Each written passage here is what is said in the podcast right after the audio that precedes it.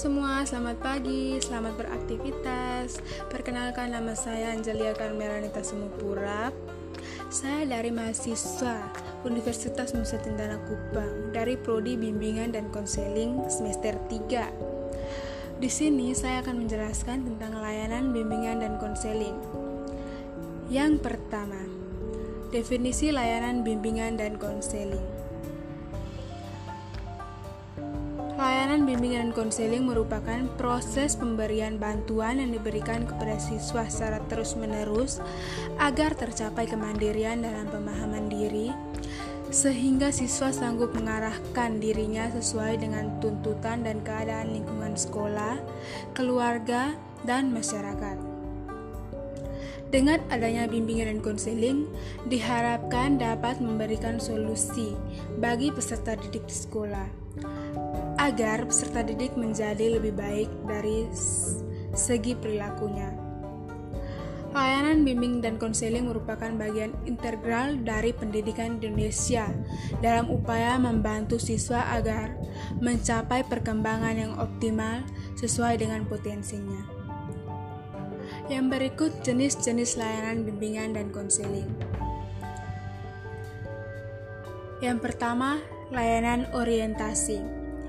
Layanan orientasi merupakan layanan yang memungkinkan peserta didik memahami lingkungan baru, terutama lingkungan sekolah dan objek-objek yang dipelajari, untuk mempermudah dan memperlancar berperannya peserta didik di lingkungan yang baru itu sekurang-kurangnya diberikan dua kali dalam setahun yaitu pada setiap awal semester. Tujuan layanan orientasi adalah agar peserta didik dapat beradaptasi dan menyesuaikan diri dengan lingkungan baru secara tepat dan memadai yang berfungsi untuk pencegahan dan pemahaman. Materi kegiatan layanan orientasi menyangkut yang pertama, pengenalan lingkungan dan fasilitas sekolah. Yang kedua, peraturan dan hak-hak serta kewajiban siswa. Yang ketiga, organisasi dan wadah-wadah yang dapat membantu dan meningkatkan hubungan sosial siswa. Yang keempat, kurikulum dengan seluruh aspek-aspeknya. Yang kelima, peran kegiatan bimbingan karir. Dan yang berikut, peranan pelayanan bimbingan dan konseling dalam membantu segala jenis masalah dan kesulitan siswa. Yang kedua, layanan informasi. Layanan informasi adalah layanan yang memungkinkan peserta didik menerima dan memahami berbagai informasi, seperti informasi diri, sosial, belajar, pergaulan, karir, pendidikan lanjutan.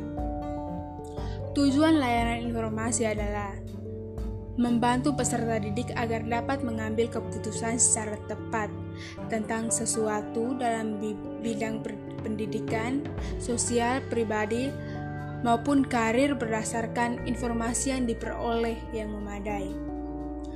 Layanan informasi pun berfungsi untuk pencegahan dan pemahaman. Materi layanan informasi menyangkut yang pertama, tugas-tugas perkembangan masa remaja akhir tentang kemampuan dan perkembangan pribadi.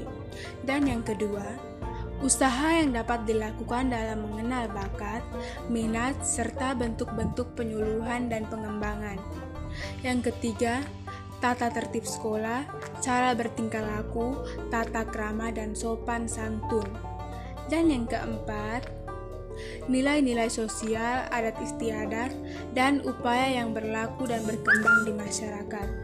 Yang kelima, mata pelajaran dan pembidangannya seperti program inti dan program tambahan.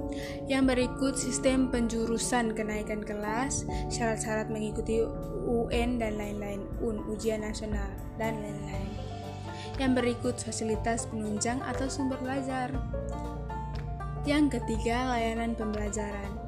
Layanan pembelajaran merupakan layanan, yang memungkinkan peserta didik mengembangkan sikap dan kebiasaan belajar yang baik yang baik dalam menguasai materi belajar ataupun penguasaan kompetensi yang cocok dengan kecepatan dan kemampuan dirinya serta berbagai aspek tujuan dan kegiatan belajar lainnya dengan tujuan agar peserta didik dapat mengembangkan sikap dan kebiasaan belajar yang baik. Layanan pembelajaran berfungsi untuk pengembangan.